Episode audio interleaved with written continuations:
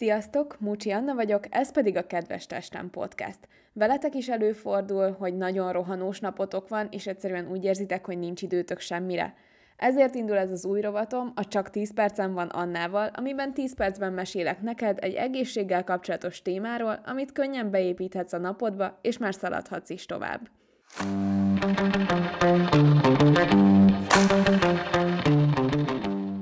Ma beszéljünk hát 10 percben a megfázásról. Ahelyett, hogy elmondanám neked, hogy ez egy vírusok okozta megbetegedés, és hogy ez a felnőttek leggyakoribb megbetegedése, ami miatt általában a munkából hiányoznak, szálljunk ezt a 10 percet inkább arra, hogy mondok neked 5 praktikát, amit bevethetsz, hogy könnyebben átvészeld ezt az időszakot. A betegség általában torokfájással indul. Erre alkalmazhatunk különböző szopogató tablettákat vagy fertőtlenítő szájvizeket. Azokat a szájvizeket javaslom, amik például klorhexidin tartalmaznak, ezeket mind a patikában tudod beszerezni, de akár már drogériákban is találsz hasonlót. Fontos, hogyha bármilyen szopogató tablettát, vagy éppen szájvizet használsz, akkor utána fél óráig ne egyél vagy igyál, különben csökkented a hatékonyságukat.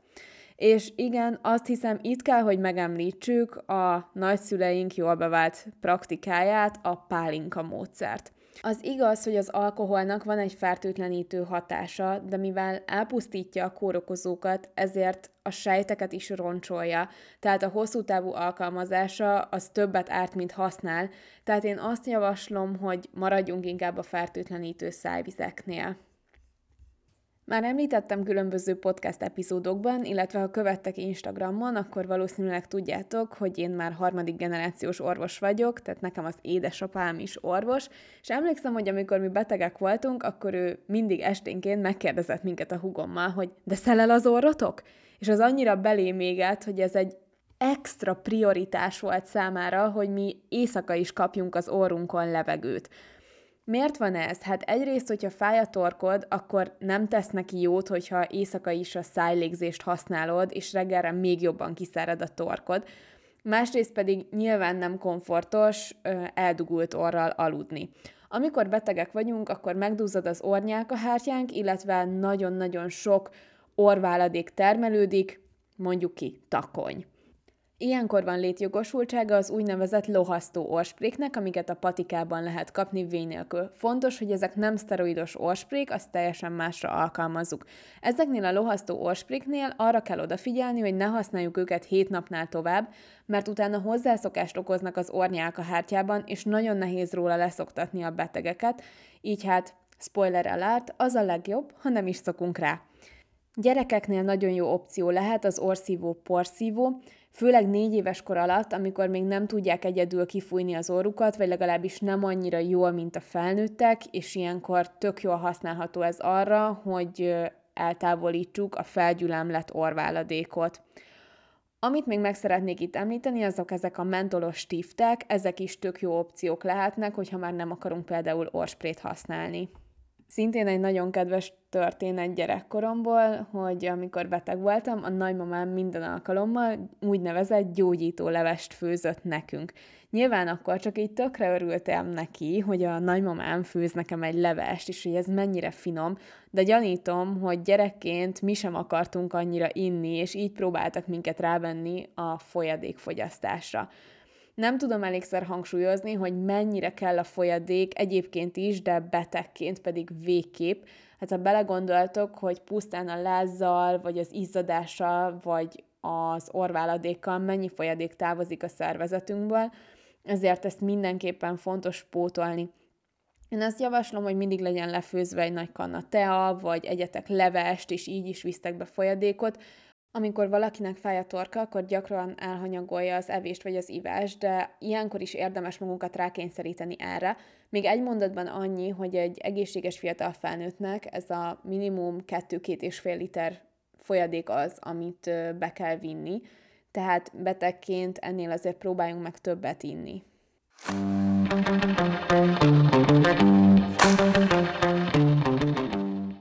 Nem fogok hazudni, nagyon sokáig. Nekem is egy-egy ilyen beteg szabadság. Az arról szólt, hogy hú, akkor bepótolom az elmaradt dokumentációt, hú, akkor most van időm a századik side projektemet éppen befejezni, vagy hú, akkor most van időm belekezdeni valami másra, mert éppen fizikailag nem vagyok annyira jól, hogy bemenjek és beteget lássak el, de még otthon tudok tenni-venni, vagy jaj, akkor tök jó itthon vagyok, most akkor kifestek egy falat, de ez egy nagyon rossz hozzáállás, hiszen alvás közben és pihenés közben a szervezet regenerálódik, és ahhoz, hogy legyőzzön a szervezetünk egy fertőzést, nagyon sok energiára van szüksége. Ebből kifolyólag ne azt az időszakot válasszuk a legnagyobb projektek befejezésére, vagy dolgozatjavításra, amikor éppen arra lenne szüksége a szervezetünknek, hogy kikapcsoljon, feltöltődjön, és ilyenkor tényleg tökre rendben van csak feküdni és valami sorozatot nézni, vagy éppen olvasni, vagy csak simán aludni egész nap, mert ezzel töltődnek az energiaraktáraink. Szóval szálljatok időt a pihenésre, mert hogyha ettől elveszitek az időt, akkor az utána később meg fogja magát bosszulni. A láz és a fájdalomcsillapítás, ez egy annyira hosszú téma, hogy ha ezt ma hiányolod a mostani részből, akkor stay tuned, mert fogunk róla beszélni a jövőben, de nem a mai részben. Az ötödik és egyben utolsó téma, amit szeretnék megemlíteni a megfázással kapcsolatban, az az, hogy mindig úgy viselkedjünk, ahogy mi is szeretnénk, hogy a másik bánjon velünk.